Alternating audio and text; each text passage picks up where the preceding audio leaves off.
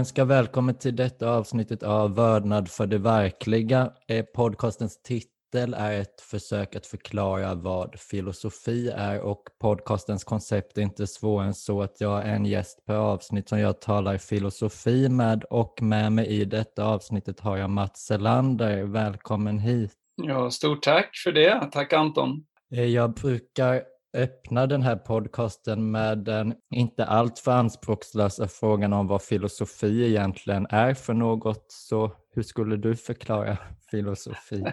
Ja, det är ju kärlek till vishet, men för mig är väl filosofi väldigt mycket att eh, tänka noga och, och hårt på grundläggande frågeställningar. En annan fråga jag brukar ha är detta hur gästen kom in på filosofi och här har ju jag hört dig tala en del om det teologiska men vet att du även innan du kom in på teologi var intresserad av existentiella frågor och dylikt. Ja, så är det ju. Och, och, en del är väl sådana. Min mamma sa ju om mig och min bror, Thomas heter han, Tompa, att eh, ja, matte han, ja då Mats då, Matte, ja, han, han frågar om meningen med livet. Men, men Tompa, han frågar hur gör man när man deklarerar? Och, och det ligger lite så att för en del av oss så, så är de här frågorna viktigare än, än för andra.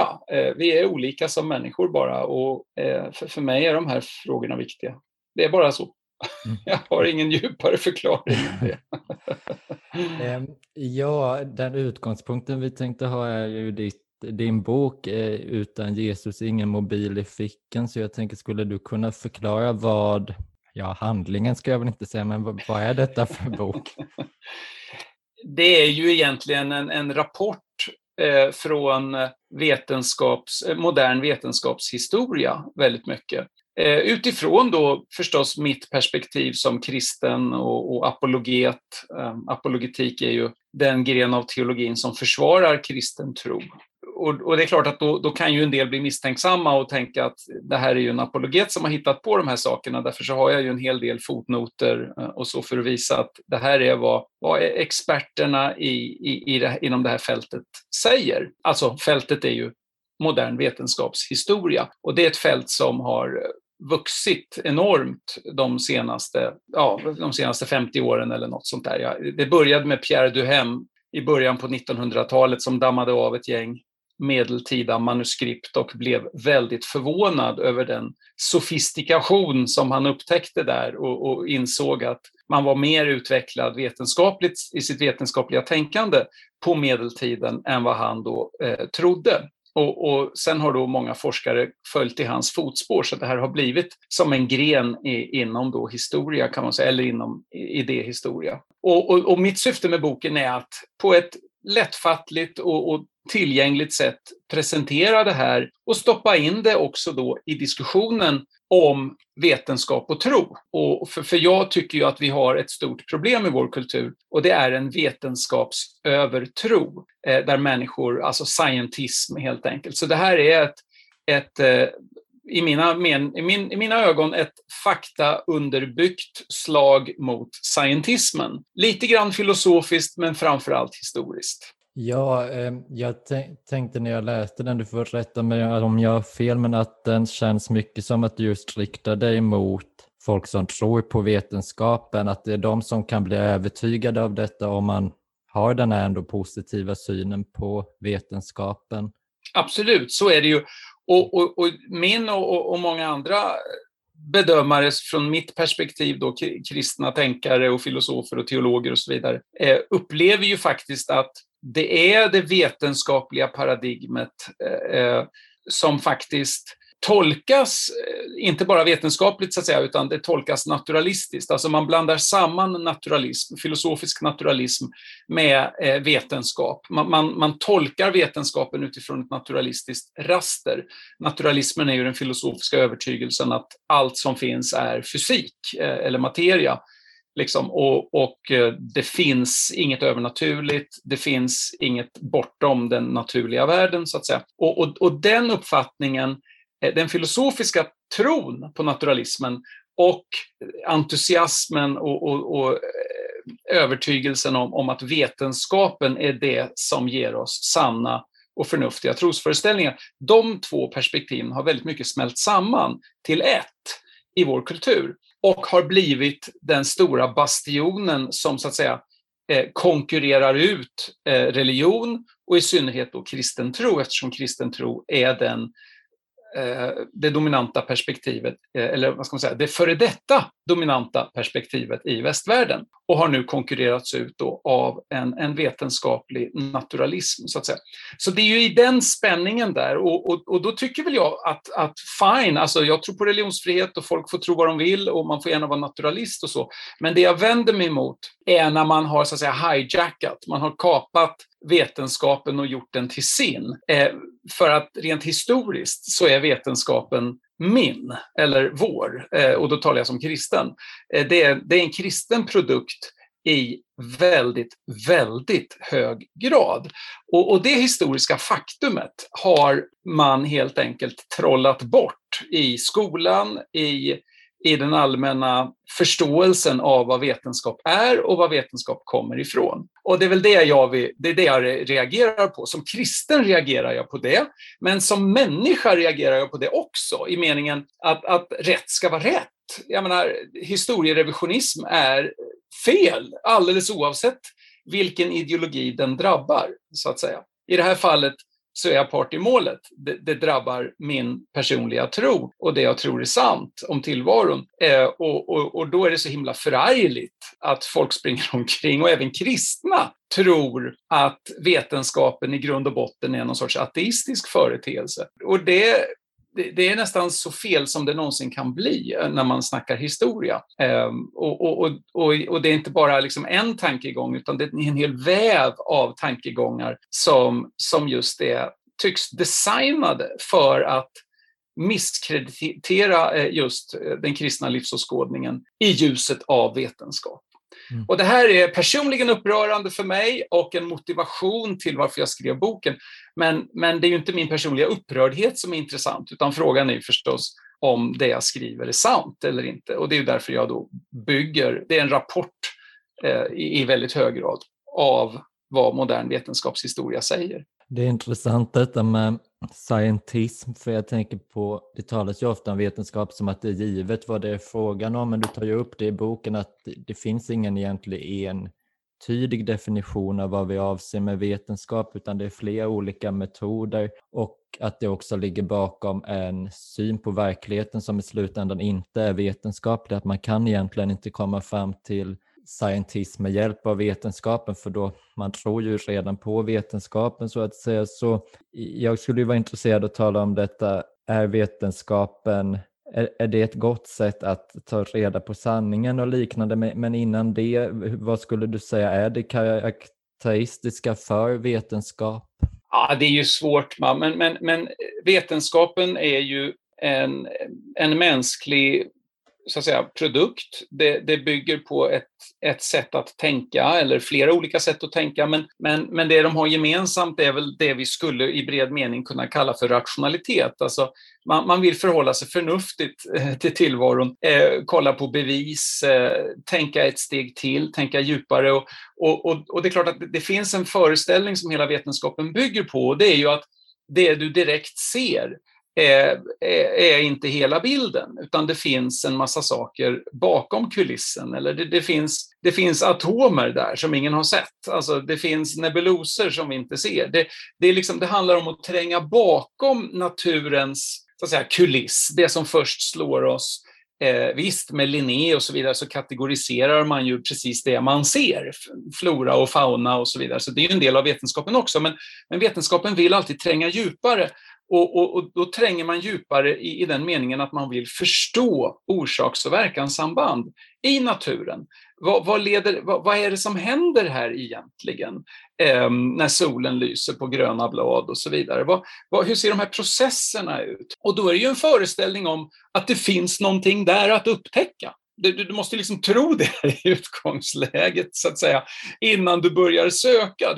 Man börjar inte leta efter en skatt om man så att säga, inte har en skattkarta eller, eller, eller någon idé om att här någonstans finns en skatt. Och, och, och så är det ju också med vetenskapen, att, att, du måste tro en massa saker som i, i grund och botten är obevisade eh, och, och som kanske slutgiltigt inte ens går att bevisa därför att det är filosofiska förutsättningar. Och det är därför som det är så svårt att fånga vad, vad vetenskap är. Va? Men, men det handlar ju om att observera naturen och försöka förstå den på ett djupare plan, försöka förstå vad som händer bakom eller bortom det direkt observerbara och hitta förklaringar som kan så att säga predikera, alltså förutsäga naturliga Eh, ehm, händelseförlopp i framtiden utifrån de modellerna. Så att säga.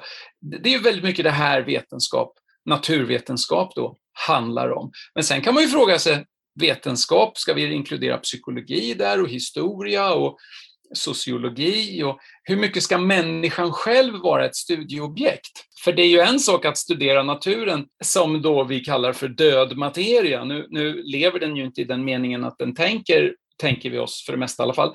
Eh, men, men det är ju energi, det händer ju massa saker i materia. Men, men så fort människan blir ett studieobjekt så verkar ju spelreglerna för vetenskapen ändras radikalt. Så, och då har du det här med humaniora, ska det räknas som vetenskap? Så du har massa sådana här frågor eh, som, bara, som dels handlar om så att säga, själva definitionen och intentionsdjupet. Hur djupt ska man gå liksom, för att det ska bli vetenskap? Eller, och, och, och hur brett, hur omfångsrikt sträcker sig vetenskapen. Och, och, här finns det inte, verkar det som, några liksom vattentäta skott. Det finns inte några sådana här klara, tydliga gränser. Och, och, och, det är också en poäng, att, att säger man att man bara tror på vetenskapen, då utgår man ju nästan från att det här är något som går att avgränsa på ett klart och tydligt sätt. Om det inte går att avgränsa på ett klart och tydligt sätt, då är det lite svårt att säga vad det är man bara tror på, så att säga. Då, då, då finns det massa gränsdragningsfrågor och massa ingenmansland och massa gråzoner och så vidare. Och tror man på de sakerna där eller inte?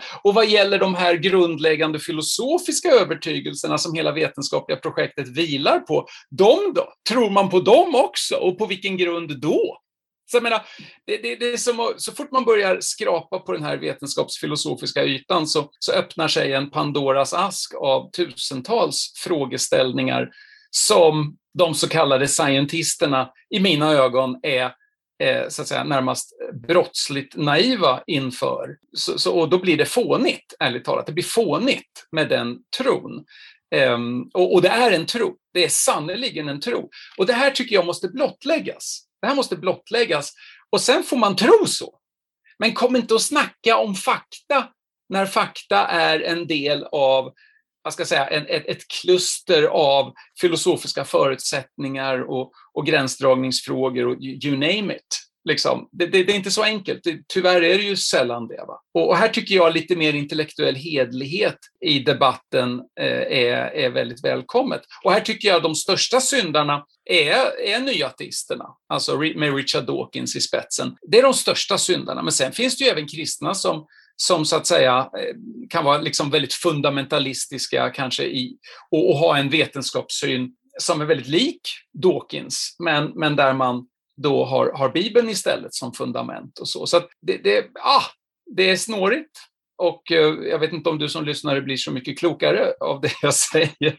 Men, men det här är ju liksom en del av, av motivationen bakom eh, varför jag skrivit boken. Ja, precis. Jag tänker på det att man slängs ju tillbaka till filosofin någonstans när man håller på med vetenskap och vad jag tycker är väldigt oroväckande med den här tilltron till vetenskap är att människor förlorar sin tilltro till att själva ta reda på hur verkligheten är beskaffad. Man tänker att det kommer vetenskapen ta reda på och det, man läser om vad vetenskapen säger men inte om varför vetenskapen säger det. Så det blir en sån passiv relation till kunskapen och någonstans att den som tror mest på vetenskapen i, i en diskussion blir nästan den, den som som går vinnande ur den i, i vårt sätt att se på det, eller vårt kultursätt att, och se på det. Och precis som du säger så går det inte riktigt att få fatt i vad vetenskapen är. Så här tänker jag att det är fruktsamt att titta på vad, vad vetenskapen varit historiskt sett, vad den bidragit med och här skriver du i din bok, så som jag uppfattar det, att det ändå är något positivt vetenskapen har bidragit med. Vad skulle du säga är, är det, det positiva som ändå kommer ur vetenskapen? Eh, jag ska svara på den frågan, men, men låt mig bara backa här. Jag, jag, tycker du har en väldigt viktig poäng när, när du säger det här att, att, att, man låter så att säga vetenskap... Har, har, man en politiker, en rockstjärna och en vetenskapsman i en tv-studio och de diskuterar någon, någon faktafråga, då, då kan vetenskapsmannen eller kvinnan vara precis hur okänd som helst. Folk kommer tro på den personen och inte på rockstjärnan och inte på politikern. Och på sätt och vis kan man väl säga att, att att det kanske är förnuftigt, för, för, att bara för att man kan sjunga bra så är det inte säkert att man har något vettigt att säga i den fråga som diskuteras. Eller för att man sitter och bestämmer så är det inte säkert att man har något vettigt att säga heller. Men grejen är den att det är inte säkert att vetenskapsmannen har något vettigt att säga heller. Eh, och det, det är ju det man, man, folk hela tiden tror. Och här har vi så att säga lurats av, av, av den aura som på något vis vetenskapen har fått. Och, och det här är, det är verkligen ett dike. Men nu ser jag det motsatta diket. Och, och det är ju då när folk så att säga, helt skiter i vad vetenskapen säger. Här ser vi ju väldigt många konspirationsteorier, väldigt många som, som så att säga, har ett, en så djup misstro mot allt vad vad eh, vetenskap eller det, det, vad samhället säger eller vad, vad de officiella kanalerna säger. Och det är ju väldigt bekymmersamt också och inte särskilt rationellt. Men då kan man ju å andra sidan säga att det kanske är för att många auktoriteter har missbrukat sitt förtroende som vi har fått den bilden. Så att till syvende och sist, för att svara då på din fråga, så är det väl människan som är problemet som jag ser det. Jag ser inte att vetenskapen är problemet, men vetenskapen ger ju eh, muskler så att säga, åt oss. Och det betyder ju att ju ondare vi är, desto ondare blir vetenskapen. Eller vi blir ännu ondare med hjälp av vetenskapen, om man säger så. Det blir en förstärkare. Varför, varför är det de vita européerna som har fått så mycket skit? Eh, därför att vi har då, nu är jag vit europé själv, eh, vi har kolonialiserat hela världen. Varför har vi varit så onda då på det sättet? Ja, det är ju för att vi har haft gevär och vi har haft krut och vi har haft eh, liksom den teknologi som 1600-talet eller till och med 1400-talet och 16 och 17 och så vidare. Vi har, vi har varit totalt överlägsna i militär teknologi och, och på alla möjliga sätt. Och det betyder då att den ondska som funnits hos oss har haft en möjlighet att sprida sig väldigt effektivt. Även de goda frukterna av vetenskapen har därmed också spridit sig, eh, så att säga. Så det är verkligen en mixed bag. Eh, och, och, det är klart att här, här blir ju då hur, hur ska man väga det här? Och, och, dessutom så är det ingen som vet framtiden. Skulle vi spränga oss själva i luften det antal gånger som, som det går att spränga sig i luften med alla kärnvapen, det är klart att då, då, då är utfallet väldigt dåligt. Då hade det varit bättre om den moderna vetenskapen aldrig blev till förstås. Eh, men om man tittar från dags dato och bakåt så, så får man väl ändå säga att, att miljarder människoliv har fått både besparas och fått någorlunda dräglig tillvaro på grund av eh, vetenskapliga framsteg, inte minst inom medicinen, eh, men även förstås inom teknologi och sådana saker. Så, att, så att, i grunden så tycker jag att man måste ha en positiv syn på kunskap och, en, en, och att våga så att säga, tro på människan lagom mycket. Eh, och det är väl här jag då också som kristen tycker att om nu den kristna tron och kristna livsåskådningen, som jag hävdar i boken, då, ligger till grund för det moderna vetenskapliga sättet att tänka, alltså den filosofiska grunden hämtas från eh, kristen tro, från eh, medeltida teologi. Det är där, och det blandas då med så att säga, den gamla grekiska eh, så att säga, vetenskapstraditionen från antiken med Archimedes och Euklides och, och Pythagoras och alla dem. Va? Eh, och, och, så. och, och, och då, då, finns den grunden där. Men det vi har tappat och, och, kanske aldrig riktigt haft är ju som jag då menar den etiska eh, grund som också då kristen tro, tycker jag, utgör en väldigt bra grund för. Och, och det är därför jag menar att, att vetenskap utan etik blir livsfarlig förstås. Och, och, och, det ser vi ju inte minst under Nazityskland. Då, då, då hamnar den kanske en av de mest vetenskapligt utvecklade länderna i en, vad ska man kalla för, hednisk, religionsliknande, rasistisk ideologis händer. Och, och, och, och resultatet blir förödande. Eh, så att säga. Och jag skulle till och med säga att kommunismen, som då är en sekulär sekt, eh, avknoppad från kristendomen, eh, Eh, gör också, tar också bort den etiska grunden för en kultur för att handskas med vetenskapen på ett bra sätt.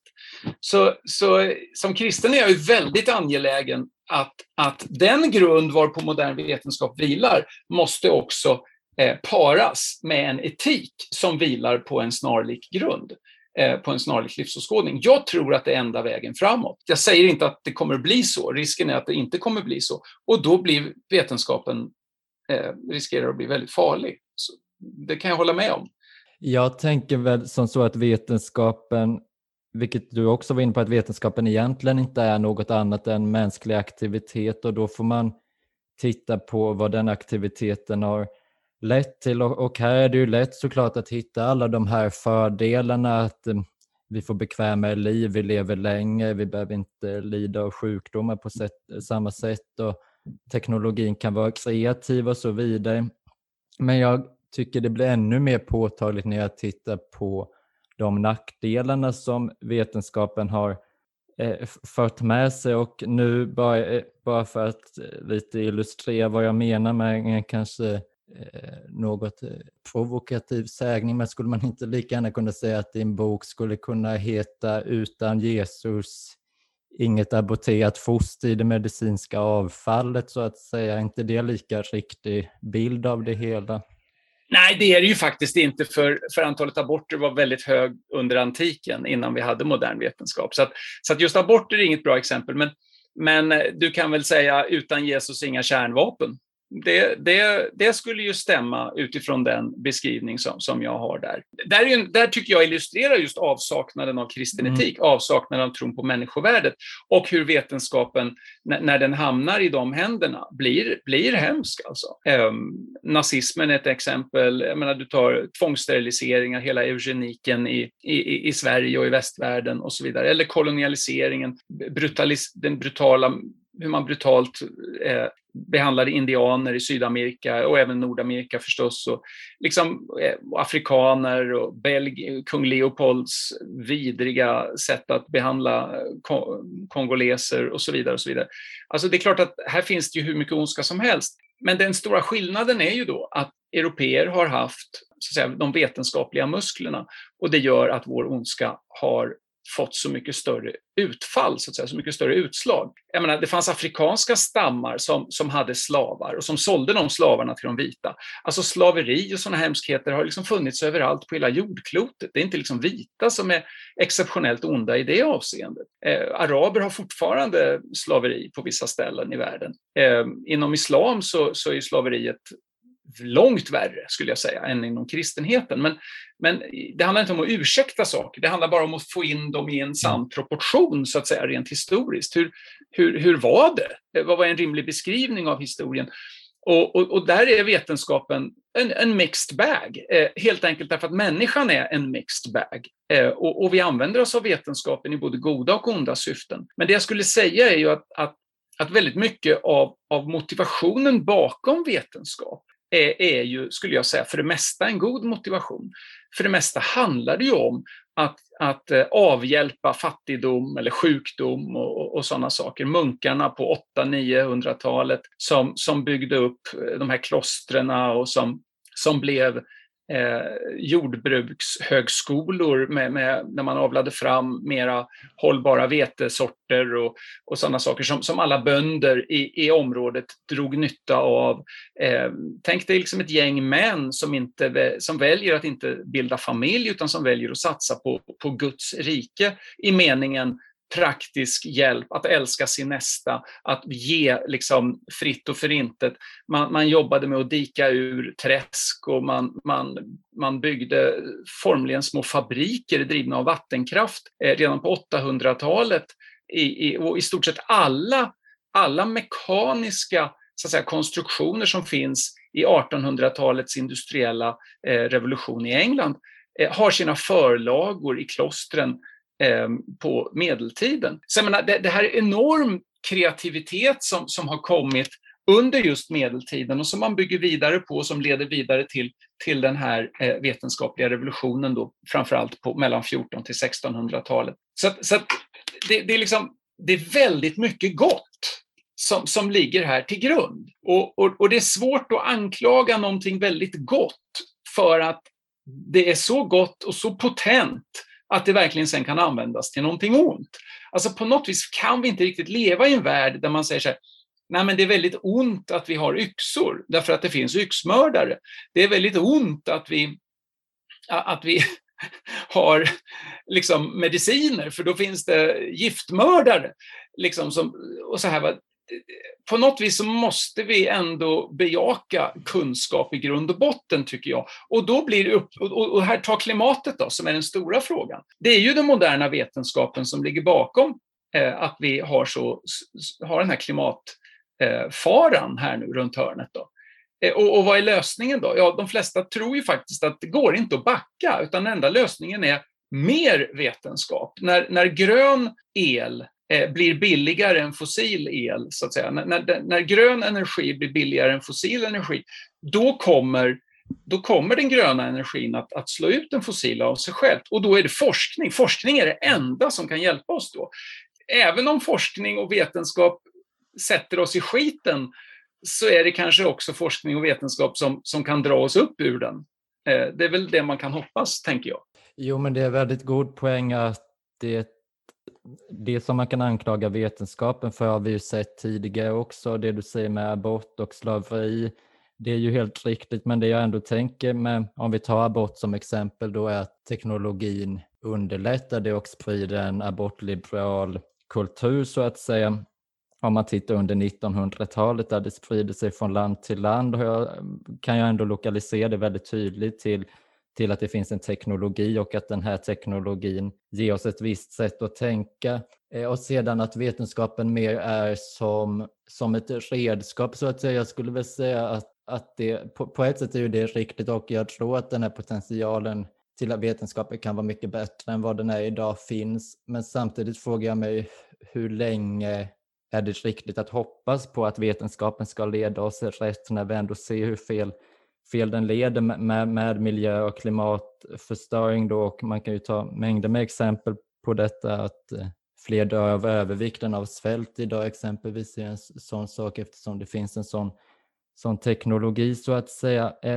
Och här om vetenskapen kan rädda oss i slutändan att ja, den potentialen tror jag finns men jag tror vi måste se det på ett mindre vetenskapligt sätt, vilket är något jag tagit upp tidigare här i podcasten, att jag tänker som är klimatet, att man talar hela tiden om vetenskapen, att vi har så här många år på oss att ändra vår livsstil och så vidare, men det tycks inte vara levande för oss riktigt att vi måste ändra vår livsstil. Och det tror jag beror på att det är en sån vetenskaplig tid vi har. Vi ser den inte som vår levda tid, att vi har kommit så långt bort ifrån det som vetenskapen någonstans presenterar för oss någonstans. Så, så, så, så i en bemärkelse instämmer jag i vad du säger att den här potentialen finns, men jag frågar mig ändå är det riktigt att sätta sin tilltro till den och när ska man sluta att sätta sin tilltro till den? Alltså, jag tror att du har en stor poäng här och jag tror att vetenskapen är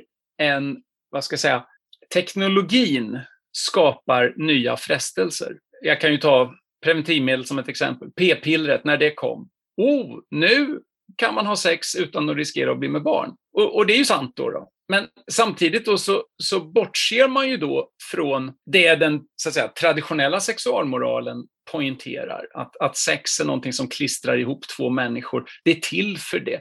det, det sex är skönt, men det kan också göra väldigt ont i själen, just därför att det är en sån djup relationell sak. Och, och, och ska man handskas med det utifrån en sorts teknologiskt perspektiv och tycka så här, åh, nu, nu kan jag göra vad jag vill, då kommer man kränka sig själv, man kommer kränka många andra i den, i, i den så att säga, njutningslystnaden. Så teknologi har ju då så att säga, potentialen av att eh, lura oss, eller man ska säga. Den, den, är förförisk. Den är förförisk och den kan få oss att tro att åh, här finns det enkla lösningar. Och så går man på den linjen och tänker åh, den här lösningen hade ett pris och det priset var högre än vad någon sa och, och vad någon kunde räkna ut. För verkligheten slår till sist tillbaks på något vis. Där kan jag känna att vi har en alldeles för stor tro på teknologi. Och det är därför som vi måste komma tillbaks till en, ett mer, där, där vi betraktar vetenskapen som ett verktyg och inte som en livsåskådning, inte som en livshållning. Eh, absolut inte. Det är ett verktyg. Eh, men, men alla andra grundläggande frågeställningar finns kvar. Och de, de är liksom inte lösta. Och det är det som är så paradoxalt. Vi, vi har lärt oss ofantligt mycket mer om naturen och universum. Vår kunskapsmängd har ökat gigantiskt när det gäller så att säga, död materia. Men jag vågar påstå att vår kunskapsmängd när det gäller människan har inte ökat särskilt mycket. Visst är det så att vi rent medicinskt, alltså människan betraktad som död materia, så att säga biologiskt och sådär. Där har vi lärt oss mycket, absolut, inom medicinen.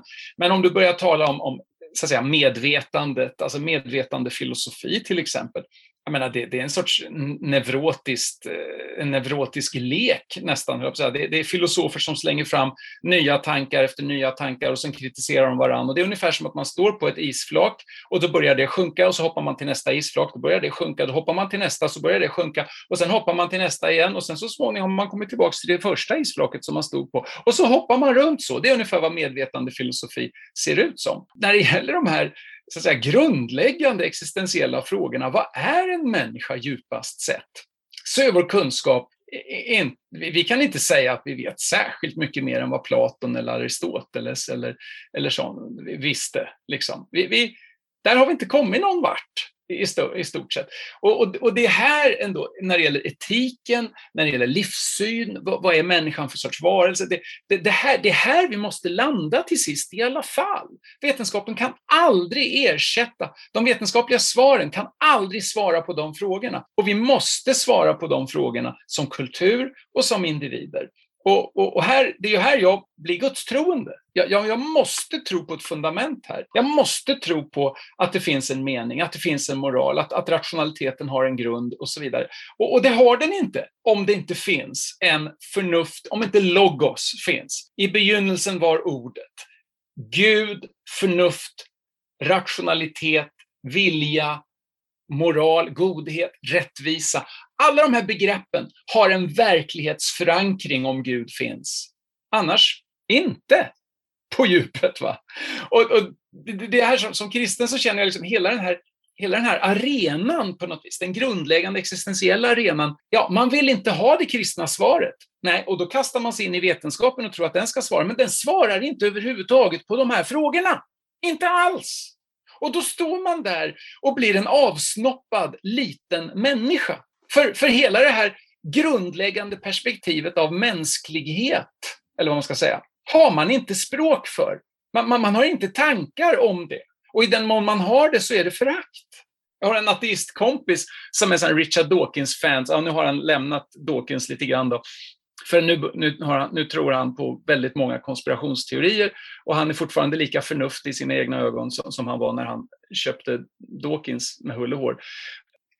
När vi pratar om de här sakerna, då säger han så här, filosofi. Oh, jag känner förakt för filosofi. Det är science. Science, det är det enda. Så här, va? Och, och den där att han är ju extrem, liksom, eh, skulle jag mena då, i det här, men, men han återspeglar ändå en stark tendens i vår kultur, där vi i en övertro på vetenskapen har, har tappat vår mänsklighet, vår existentiella mänsklighet och, och de religiösa frågorna och, och, de grundläggande frågorna. För det är där som frågan om, om, om också mänsklig godhet och vad är meningen med människans liv och liksom vår roll i, i universum, vår roll på jorden och så vidare. Nej, vi har ingen roll. Nej, men då så då gör vi väl vad vi vill då. Alltså det här måste få robusta svar och kristen tro tillhandahåller det. Religion tillhandahåller mycket robustare svar än, och då inte bara kristen tro, även andra religioner, men, men mycket robustare svar än vad, vad naturalismen gör. Det, det är det här som har gjort västvärlden så att säga andligt fattig. Och det är väldigt farligt. En andligt fattig kultur med vetenskapliga muskler är farlig. Ja, jag instämmer i vad du säger och något jag kommer att tänka på med detta är att detta med att vetenskapen växer fram ur kristendomen, då tänker jag att vi har ju i kristendomen att Gud och världen någonstans är särskilda åt och i de abrahamitiska religionerna överlag. Och här tror jag att om vi har den här särskillnaden mellan Gud och vad Gud har skapat, att det blir någon ojämnvikt där, att det har ju den här fördelen som du tar upp i boken att vi kan börja tänka på världen som att den har mönster och att den på så sätt kan vi få reda på en sanning och så vidare. Men jag, jag tänker att om det finns den här skillnaden mellan Gud och världen så riskerar världen att åka längre och längre bort ifrån det andliga någonstans och till slut finns inte det andliga kvar i världen. Så någonstans att det här sekulära eller scientistiska, att jag tycker mig ändå se no någon potential till att det kan, kan komma att komma redan i kristendomen om du förstår hur jag menar. Ja, jag tror jag förstår hur du menar. Å andra sidan så, så ser ju jag samma fara åt andra hållet. Alltså om du menar att till exempel om man går i panteistisk riktning och tänker att världen, naturen, universum är Gud, då är risken väldigt stor att, att du, du får helt enkelt inte någon tillräckligt stark moralisk referensram utifrån vilken du kan så att säga bedöma naturen eller människan. Alltså så här, om, om Gud, ungefär så här, ateism och panteism är i grund och botten nästan samma sak. Därför att båda systemen gör ingen skillnad på Gud och icke-Gud. Allt är samma. Och då får du ett ondskans problem som är olösligt. Eh, ondskans problem är svårt för mig som kristen. Det är det. Men när du slår ihop alltihop, så att säga, i din livsåskådning och säger att Gud och naturen är samma sak, då, då, då, då har du om inte gjort ondskans problem, på, men samtidigt fått ett mycket värre ondskans problem. Därför att då betyder det att cancern är lika mycket Gud som den människa som fått cancer. Och varför ska vi operera bort Gud ur Gud? Och så vidare. Du, du, du kommer inte kunna göra någon skillnad på ont och gott. Och det betyder att du, om ont och gott finns på riktigt, så betyder det att du har gjort dig blind för det onda och du börjar kalla det onda för gott. Eh, och du måste kalla allting för gott. Och, och det är sådana här saker som till exempel Moder Teresa i Calcutta upplever då i Indien då, när, när hon tar en liten flicka som sitter i ett gatuhörn och, och, och tigger och är fattig och så vidare och, och hon ger henne mat och omvårdnad och så vidare. Och sen kommer då släkten och, och tar tillbaks henne och sätter henne där. Därför att karma kräver att hon ska sitta där. Eh, liksom, när du får ett, ett helt system av ja, det här karmalag och, och eh, eh, kastsystem och så vidare, där, där, där ont från en västerländsk perspektiv inte längre är ont. Allt är, allt är ett, allt är samma. Och, och, och, och då lidan, ja, det, det, det är det här, du, du får inte någonting att moraliskt ta spjärn emot. Men om du som jag tror att Gud finns och inte det, han har skapat ur intet, skapelsen är inte ett med Gud. Gud är bortanför, under, eh, utanför universum, så att säga. Han är här också, men han är verkligen inte ett med universum. Och om då Gud dessutom har kommit till oss och avslöjat sitt ansikte i Jesus, visat hurdan han är, så att säga. Älska din fiende, be för din fiende, eh, vänd andra kinden till, älska varann som jag har älskat er och så vidare. Om, då får du ett, ett, ett, ett, en moralisk referenspunkt att ta spjärn emot in i eh, naturen, in i samhället, in i människan. Det, det, det, blir en, du får en, en grund för moralen på ett helt annat sätt, för du kastar verkligen ankaret över bord, inte ombord. Om du är panteist, då måste du kasta ankaret ombord. Gud finns inte utanför.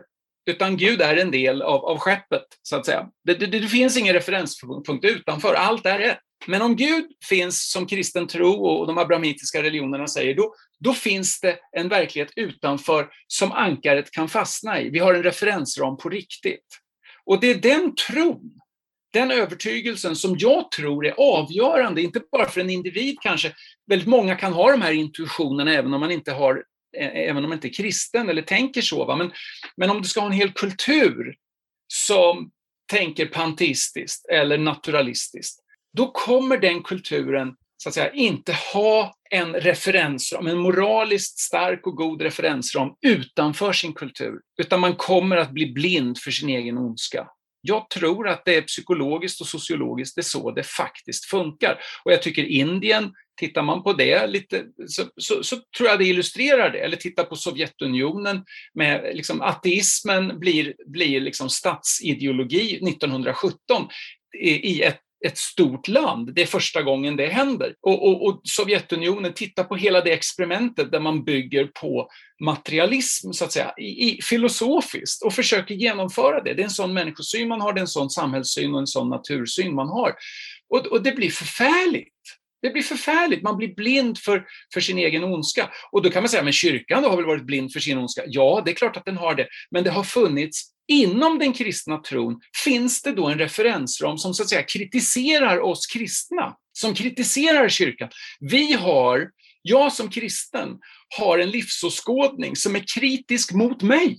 Och, och, och det betyder att jag kan aldrig slå mig till ro. Liksom. Jag måste be med David, Herre utransaka mig, känn mig och se om jag är stadd på en olycksväg eller inte. Det, det, jag lever i tron på att det finns en referensram som är god och som, som inte är jag. Och som jag måste underordna mig och som min yttersta lycka hänger på. Och, och, som jag måste lita på och som jag måste ödmjuka mig inför och som jag måste bekänna min synd inför och så vidare. Det är det här som jag tror är så otroligt viktigt. För så fort vi börjar identifiera vår egen kultur med Gud, som man gör radikalt i panteismen, men Hegel gjorde det, hela romantiken gjorde det i väldigt hög grad, eh, där europeer började identifiera sin egen kultur med Guds rike. Hegel gjorde det uttryckligen. Eh, och, och, och, och, slutet av 1800-talet med nationalromantik och så vidare. Det var, det var liksom staten, Gud, min stat, min nation. Det var liksom det enda som gällde ungefär. Va? Och, och, man, blev, man blev blind för sin egen ondska. Det är livsfarligt som jag ser det. Så det, det, den, jag skulle säga att det är väldigt viktigt med den här åtskillnaden. Annars får du inte en referensram att ta spjärn emot och då får du ingen grund för självkritik.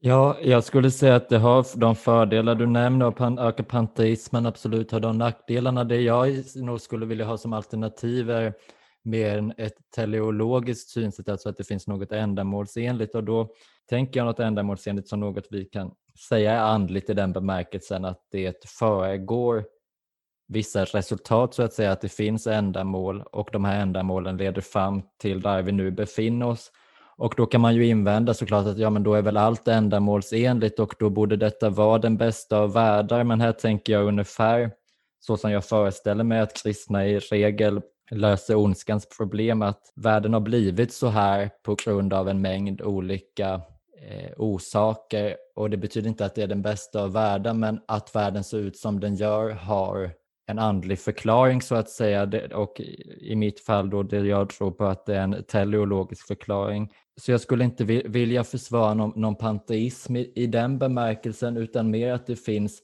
en omedveten andlighet någonstans, alltså det ändamålsenliga som leder till vissa resultat.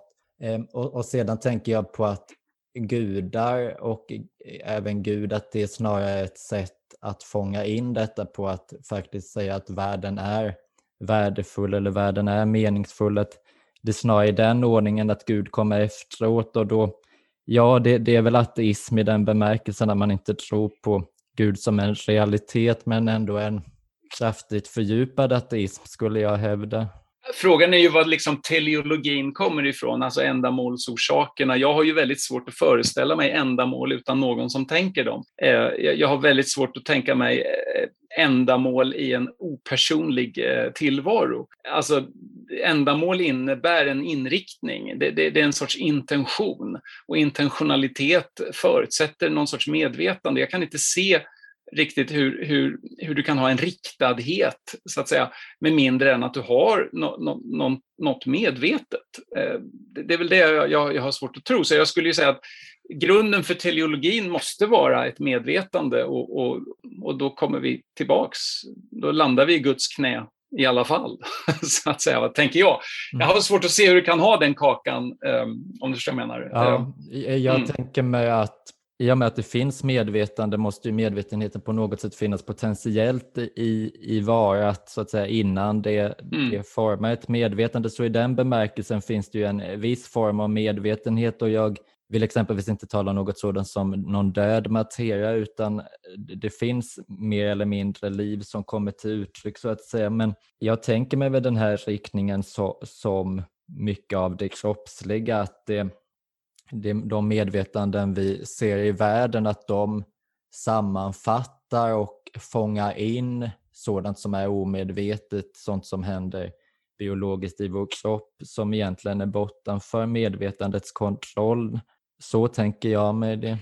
Ja, det är ju, det är ju, det är ju djup filosofi vi pratar om här, tycker jag. Medvetande filosofi och metafysik och sådana saker. Vad, vad är verklighetens så att säga, grundstruktur? Det, det jag så att säga, har, har, svårt att tro är väl att, att, att le, jag har svårt att tro på en världsbild som på något vis gör mänskligt medvetande och mänsklig rationalitet till det högsta. Jag, jag, jag kan inte tro det. Eh, att, att tro på något vis att, att det finns eh, liksom potential och, och, så vidare i, i liksom materia, eller även om du beskriver materia liksom som energi eller som andlig energi. Men, men, men det blir onekligen svårt att liksom inte tala om då materia som liksom en sorts lägre form av energi och materia, ur vilken då vi har utvecklats och vi är liksom piken på något vis.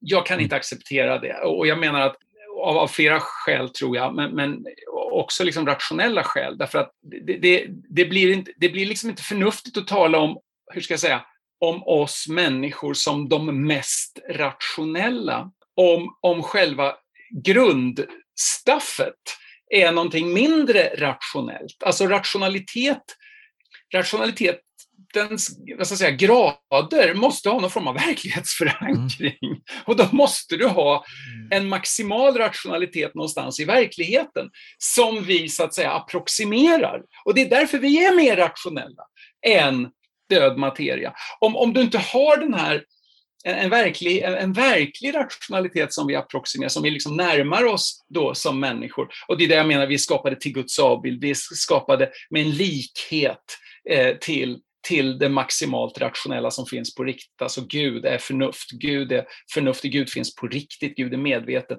Och visst, det är ju inte på, vi är ju i analog mening så att säga lika Gud. Vi, vi är inte, det, det, Gud är ju på det sättet onämnbar, eller man ska säga, vi kan inte fånga allt vad Gud är förstås.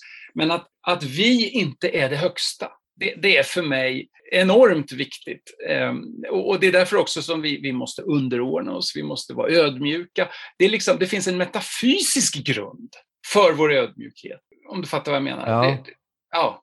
Eh, eh, jag, jag instämmer i att vi inte är det, det högsta. Jag förstår om det kan uppfattas så, det, det jag beskrev här, men jag, jag, menar ändå att det högsta är det ändamålsenliga och vi är ett resultat av det ändamålsenliga. Och mm, mm. Vi är inte perfekta så sett för ändamålet har gått igenom massvis av olika resultat och där finns ju slump och eh, olyckliga omständigheter och så, så vidare. Men alltså, när jag säger att vi finns potentiellt så menar jag att vår egenskap inte är en slump så att säga. Och detta gäller ju också andra ting, ting i världen som inte, mm.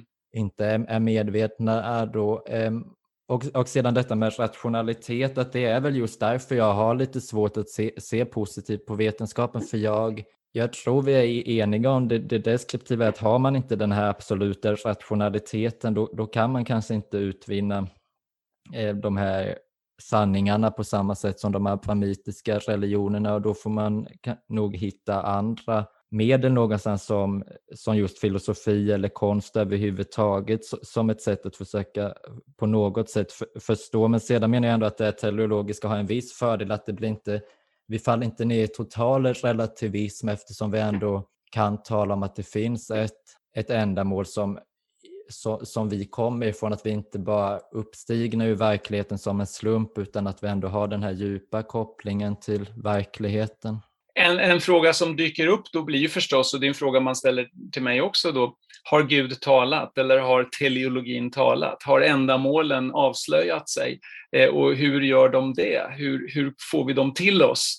Eh, och hur vet vi att det här ändamålet eh, är, är, normativt godare än det där ändamålet eh, och så vidare. Alltså hela frågan om uppenbarelse, om kommunikation från eh, det gudomliga, eh, om, om man nu skulle kunna använda det ordet då, gudomligt, om, om din syn på teleologi, alltså den här, de här ändamålen, att det finns en, en avsikt på något vis. I mina ögon så närmar du dig ju väldigt mycket en, en, en form av teism eh, när man talar om ändamål. Alltså, är man, eller som, som jag hade en debatt med en ateist på Stockholms universitet och han helt plötsligt eh, sa då att han, han, trodde, han var platonist och trodde på matematiska abstrakta objekt och sådana här saker. Och efteråt pratade jag med en kristen filosof som sa då att, att om en ateist har gått från ateism till platonism så är han mer än halvvägs på väg mot kristen tro. Det är ett gigantiskt steg att gå från ateism till platonism. Det, det är att, att, att börja, det är att, att gå från att det bara finns bara materia till att det finns andliga ting på riktigt, så att säga. Och, och, och då, now we're talking. Okej, okay, hur finns de då? Ska vi börja prata om, om den andliga världen och, och vad den rimligen är befolkad av, så att säga. Eh, och det blir filosofiska argument förstås. Då. Eh, så att, eh, ja, ja, nej men eh, vi, jag ville bara säga det att, att jag tycker du om jag har förstått dig rätt, eh, ligger närmare teism än ateism, även om du befinner dig någonstans mittemellan. Det är kanske på ett sätt olyckligt att tala om just teism och ateism. Det kanske snarare är den här skillnaden mellan, är det meningsfullt att undersöka det som är andligt eller det som är bortanför det? Mm. Det är vetenskapligt att det kanske är mer där man egentligen borde tala om de här skiljelinjen. För filosofin och teologin som jag ser det håller ju på med samma frågor egentligen och jag vet inte exakt hur man kan skilja mm. ens filosofi från teologi. Nej, det är klart att teologi då, där jobbar man ju med någon form av källor, alltså där finns ju en mm. förutsättning att, att det gudomliga har uppenbarat sig och vi jobbar med de källorna, Nya Testamentet och Gamla Testamentet och, och här finns det någon form av kommunikation, så att säga. Eh, och, och, och, det är ju en tro att det är så förstås. Eh, och, och, den i sin tur, och det är därför du har religionsfilosofi som en gren av teologin förstås. Så att, eh, ja, visst, man, man, rör sig ju på samma, i samma sfär här. Man ställer, grundläggande ställer man samma frågor.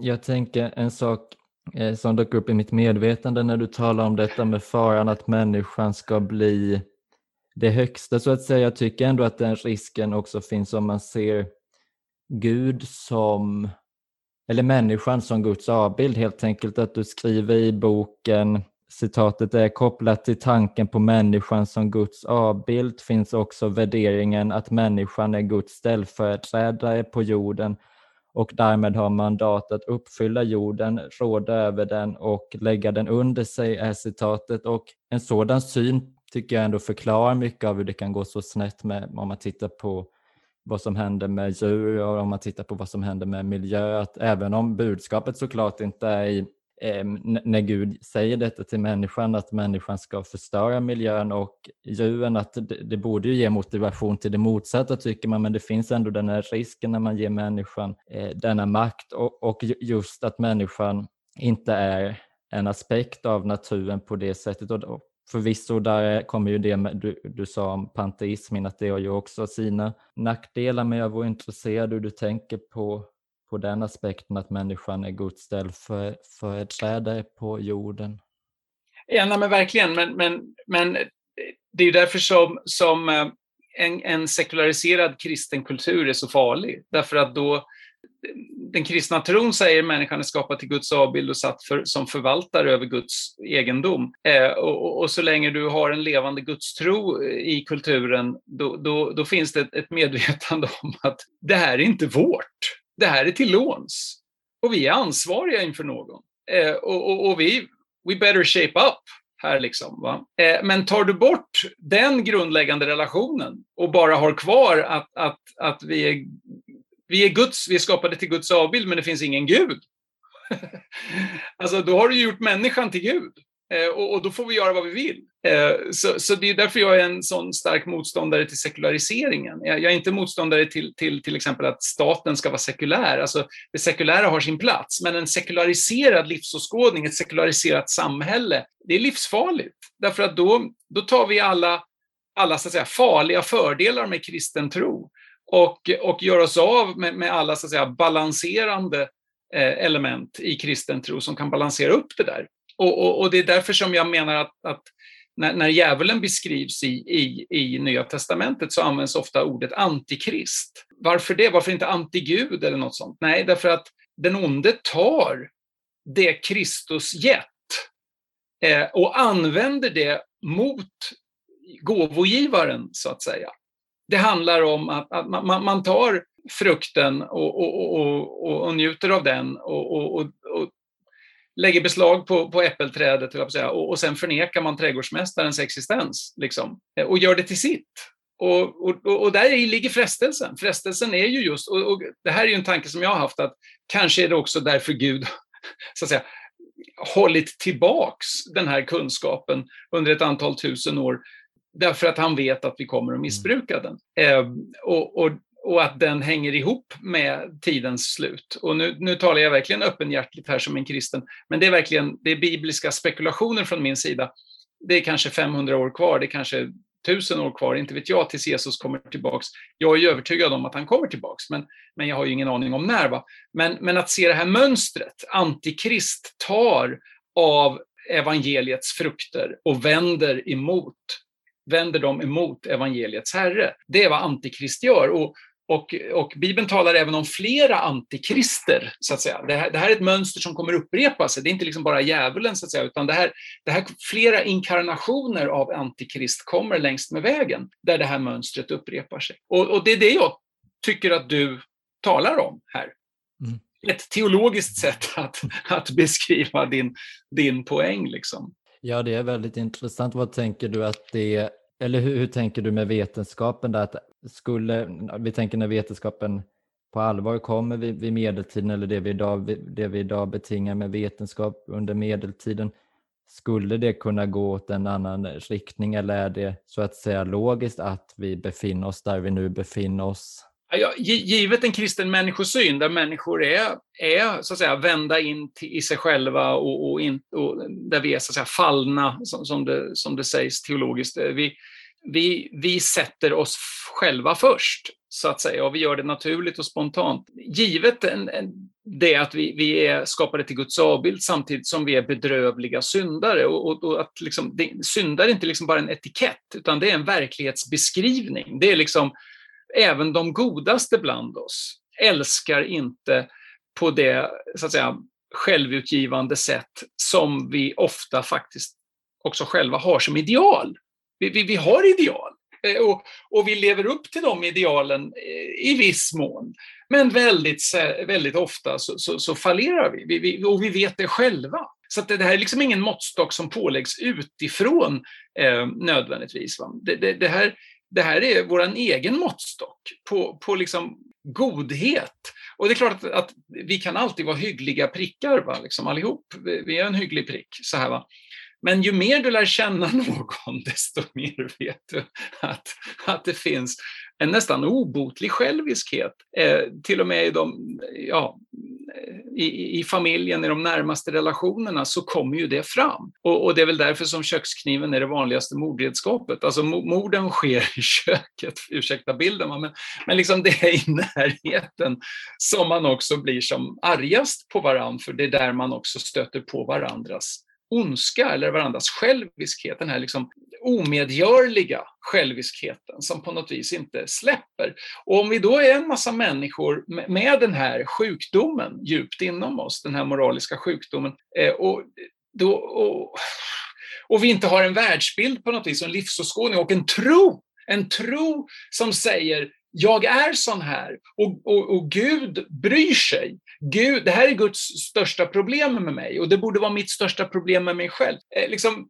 lever man inte i den här så att säga, moral, i den kristna moraliska medvetenheten om sin synd och sitt behov av Guds frälsning och nåd och hjälp, lever vi inte i det, då blir Guds gåvor per definition eh, eh, vapen i, i syndarens händer vi, vi blir manipulativa, vi är manipulativa och vi tar allt Gud ger och använder det då för själviska syften. Det, det, vi har inget annat att ta. Allt vi tar är ytterst sett från Gud. Va?